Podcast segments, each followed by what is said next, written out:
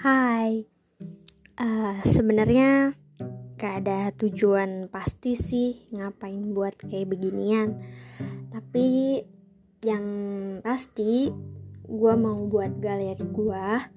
Gue nggak mau nanti lupa gimana rasanya ngerasain semua emosi yang udah Tuhan berikan ke gue.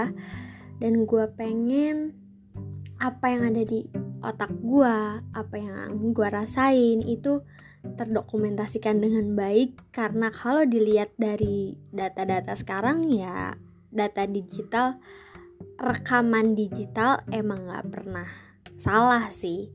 I mean emang jejak digital tuh pasti ada. Jadi ya sebenarnya itu aja sih.